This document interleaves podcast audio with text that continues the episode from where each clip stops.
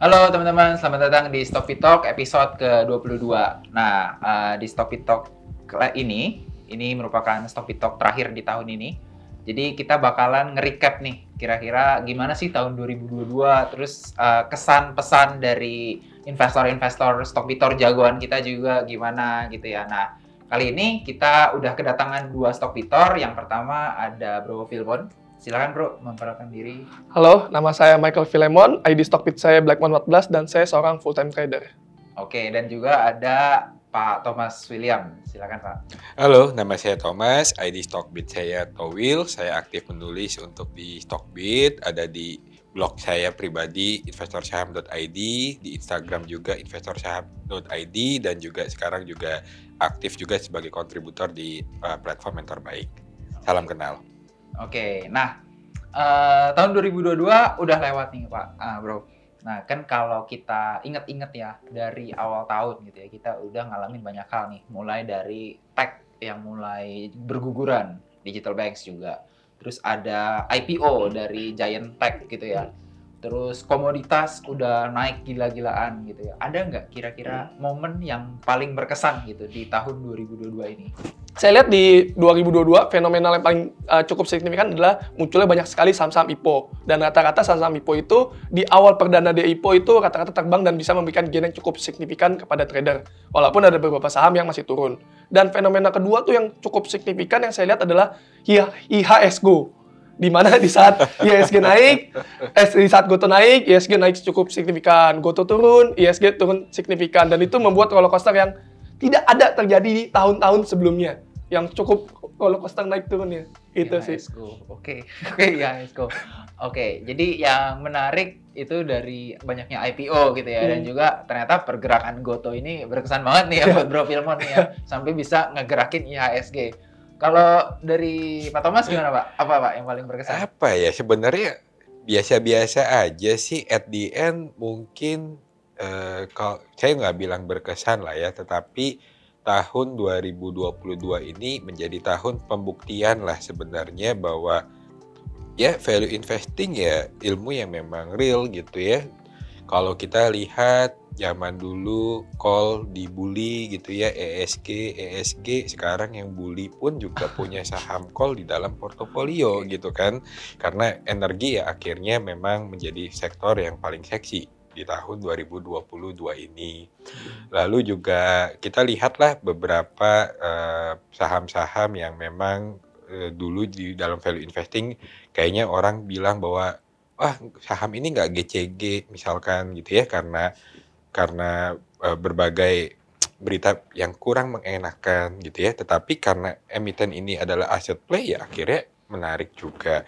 Jadi menurut saya sih tahun 2022 ini menjadi tahun yang membuktikan bidang keilmuan value investing ini ya sesuatu yang real lah sebenarnya. Kita lihatlah bahwa saham-saham value investing justru yang manggung sebenarnya di tahun 2022 ini. Itu sih dari saya. Ya, jadi uh, mungkin buat teman-teman yang belum ngikutin ya, kalau tahun lalu itu banyak kan growth ya, growth stocks yang tumbuh gitu ya. Dan tahun ini tuh ya banyak yang switching jadi ke value. Jadi banyak value uh, stocks yang mulai ya naik lagi ngeret IHSG akhirnya IHSG-nya juga ikutan naik gitu. Nah kalau ngomongin uh, secara waktu nih, secara waktu kita udah ngelewatin ya 12 bulan lah ya gitu. Mana yang paling berkesan gitu? Berkesan apa nih? Kita ngomong berkesan bagus dulu lah ya, yang bikin happy gitu. Bulan apa yang paling bikin happy? Kalau dari Bro Filmon? Kalau saya sendiri bulan yang bikin happy itu seingat saya itu bulan Agustus. Kenapa tuh? Karena itu turning point dalam artian adalah kan bulan awal Agustus ya kan ekspektasinya kan di bulan Juli udah profit, udah lumayan mulai Agustus tuh dengan mulai dengan masuk emiten baru. Tapi di awal hari itu saya melakukan kesalahan hmm. dari, dari segi money management sehingga masuknya overload di saham yang saya belum begitu kenal. Bisa kayak hmm. masih mencari tahu lah saham itu. Nah akhirnya saya masuk gede, akhirnya saya di full market. Saat okay. itu juga saya istilahnya cut loss, saya membandingkan diri langsung saya cut loss dengan jumlah kerugian itu istilahnya kita baru trading sekitaran cuma kurang dari sejam tapi cut lossnya bisa puluhan juta dan okay. itu cukup sakit karena apa? Karena pada saat saya cut loss naik langsung. Okay. Jadi emang benar-benar itu kayak ah ini mau kerjain karena masuknya kegedean itu dan salah. paling happy tapi bro. Happy, nah karena turning point kan. Okay. Setelah itu kan uh -huh. setelah dia uh, saya cut loss sedih, tapi setelah itu recover pelan-pelan dan Oh, in the end oke. akhir bulan tetap masih profit. Oke, so ini ternyata cut loss yang membuahkan hasil ya. Karena akhirnya setelah cut loss itu malah portofolionya bertumbuh terus gitu ya. Pelajaran sih. Oke, oke. Ternyata ada manfaat. Ya memang cut loss itu manfaat ya kalau kita trading ataupun investing. Ya cut loss itu merupakan exit point ketika kita salah gitu ya. Hmm. Dan itu ternyata terjadi juga nih di Brofilm. Hmm. Kalau dari Pak Thomas, Pak, kira-kira wah ini dari Januari naik terus eh, kira-kira bulan Mei atau Juni ya kita turun, Juli mulai naik lagi. Kira-kira mana Pak yang paling berkesan baik Februari jelas. Februari? Kenapa tuh Pak? Hah? Februari? Februari itu kan saya sebenarnya masuk gede di saham yang eh, apa ya disupport oleh aksi korporasi lah. Saya nggak sebut apa, teman-teman yang pembaca Stockbit mungkin bisa nebak ya saham backdoor listing yang saya berani masuk. Masuknya waktu itu lumayan besar, dapat profit yang terbilang besar untuk saya dan dari dana itu yang menjadi kunci untuk permainan saya di tahun 2022 ini. Jadi Oke. keuntungan yang besar ini saya bisa pindahkan masuk ke saham-saham yang eh, investasi longnya saya dan pertumbuhannya menjadi bagus. Oke. Jadi kalau nggak gara-gara bulan Februari maka saya tidak memiliki return yang sebagus saat ini sih sebenarnya. Jadi Oke. thank you untuk ke bulan Februari. Oke. Bulan yang menjadi eh, core-nya ya Pak ya, berarti Betul. ya dari 2022 Dari ini. 2022 ini. Oke, oke. Kalau sebaliknya sekarang eh, kita ngomongin yang membuat paling sedih nih. Kalau dari Bro kira-kira bulan apa nih yang paling bikin down gitu? Di saat ISG itu beruntun merah terus itu kalau nggak salah bulan apa ya Mei atau ada juga di bulan Oke. Oktober ini juga ada sih Ah, yang ah. seminggu itu beruntun tuh merah Ya, terus. Nah itu ah, istilahnya kayak apa ya? Moodnya itu dibuat hilang gitu. Mau trading apa kayak bawaannya lesu, pengennya Hmm. jualan atau apa dan berujung-ujung adalah masuknya ke saham-saham yang bisa dibilang gorengan untuk Oh. survive-nya. Tapi itu juga kan istilahnya kan katanya kalau misal kita masuk gorengan itu kita nggak bisa masuk dalam jumlah besar. Makanya saya lebih prefer tuh kalau ISG bullish karena bisa masuk ke saham yang blue chip dan bisa istilahnya marginnya lebih Oke. gede. Oh, jadi ya karena kalau saham gorengan kan biasanya liquidity-nya lebih kecil ya, Yes. jadi nggak bisa masuk banyak. Hmm. Tapi kalau IHSG-nya bullish, majority stocks naik gitu ya, Hmm. bisa pilih, punya pilihan Ya. lebih banyak, bisa masuk lebih gede. gitu Yes. ya. So, yang paling menyedihkan tadi sekitaran yang Mei atau yang Oktober? Oktober dan di Mei sih. Oh, Aduh, dua-duanya juga. dua-duanya berarti ya. Oh, berarti setiap IHSG turun itu jadi momen sedih ya.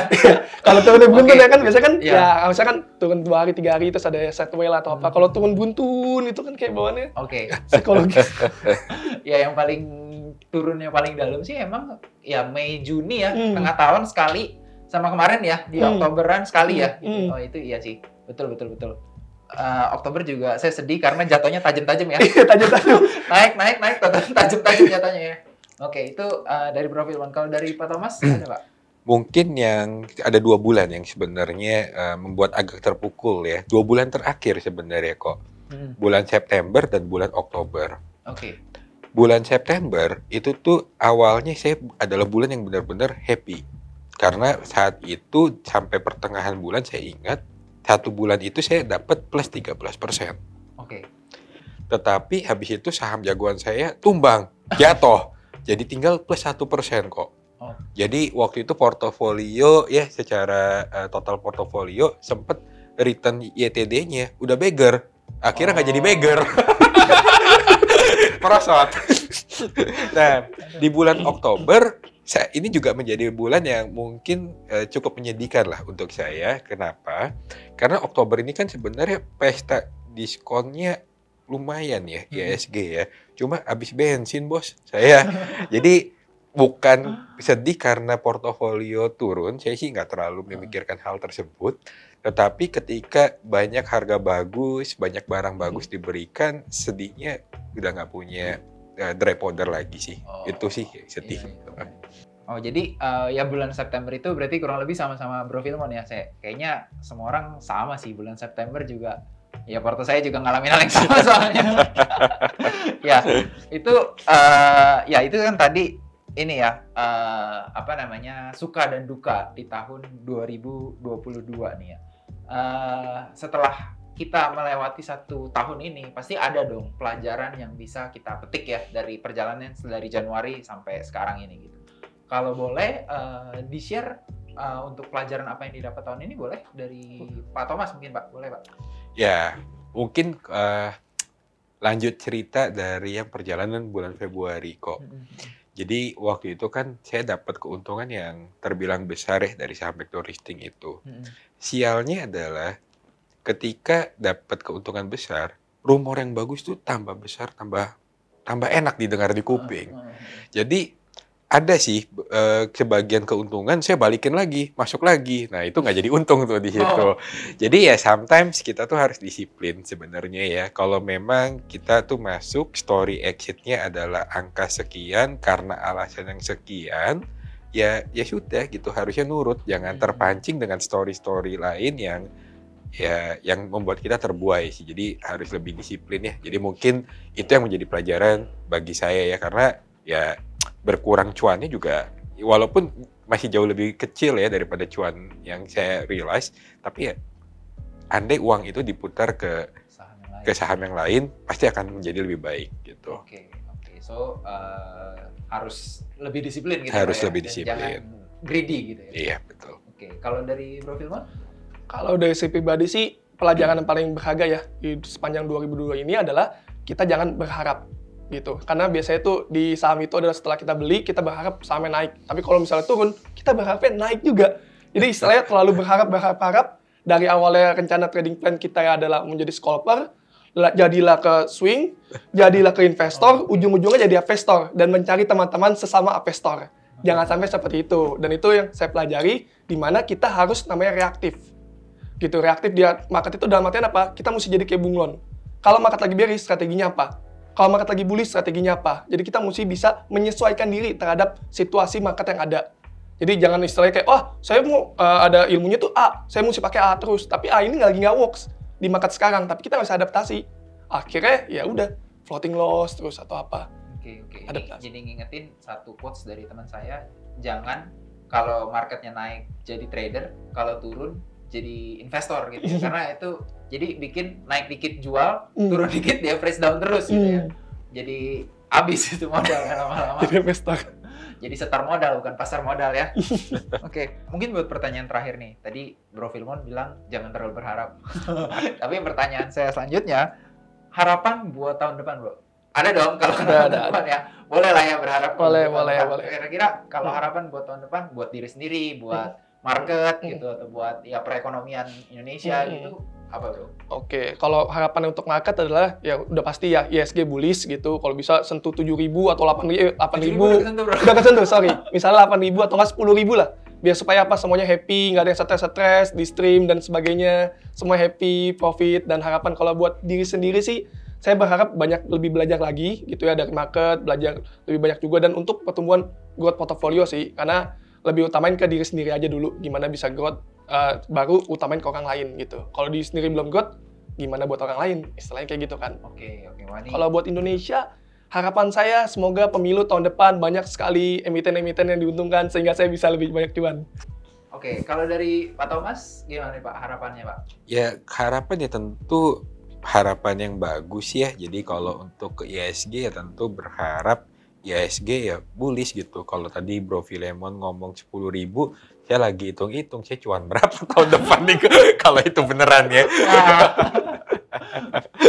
nah, terus kalau untuk harapan ya tentu ke emiten-emiten yang saya pegang ya tetap bisa mempertahankan kinerja yang bagus dan uh, memberikan return profit yang bagus juga untuk ke saya. Lalu juga harapan misal untuk komunitas Stockbit ya tentu uh, komunitas Stockbit di stream tambah rame, tambah asik untuk diskusinya, tambah banyak materi-materi berkualitas, tambah banyak penulis-penulis baru yang berkualitas, yes, yang untuk perang konyol-konyol ya berkurang lah ya, eh semoga gitu, dan debat-debat yang nggak perlu ya bisa berkurang, semoga ya tahun 2023 ya menjadi tahun yang menyenangkan untuk investasi kita sih kok. Amin. Gitu. Amin. Wah ini uh thank you banget Pak buat doanya juga nih ya buat Stockbit.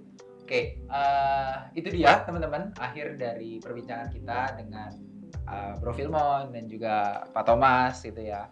Nah, uh, thank you buat teman-teman juga penonton setia dari Stockbit Talk nih ya udah 22 episode uh, nonton. Semoga kita bisa ketemu lagi di tahun depan. Uh, thank you juga buat Pak Thomas, Pak yeah. yang udah ngisi stok bitok juga nih ya, udah beberapa episode nih. Semoga bisa ketemu lagi di tahun depan. Amin. Akhir kata, saya Hendriko Gani, selaku investment analis dari Stockbit, izin undur diri. Sampai ketemu lagi di episode selanjutnya. See you.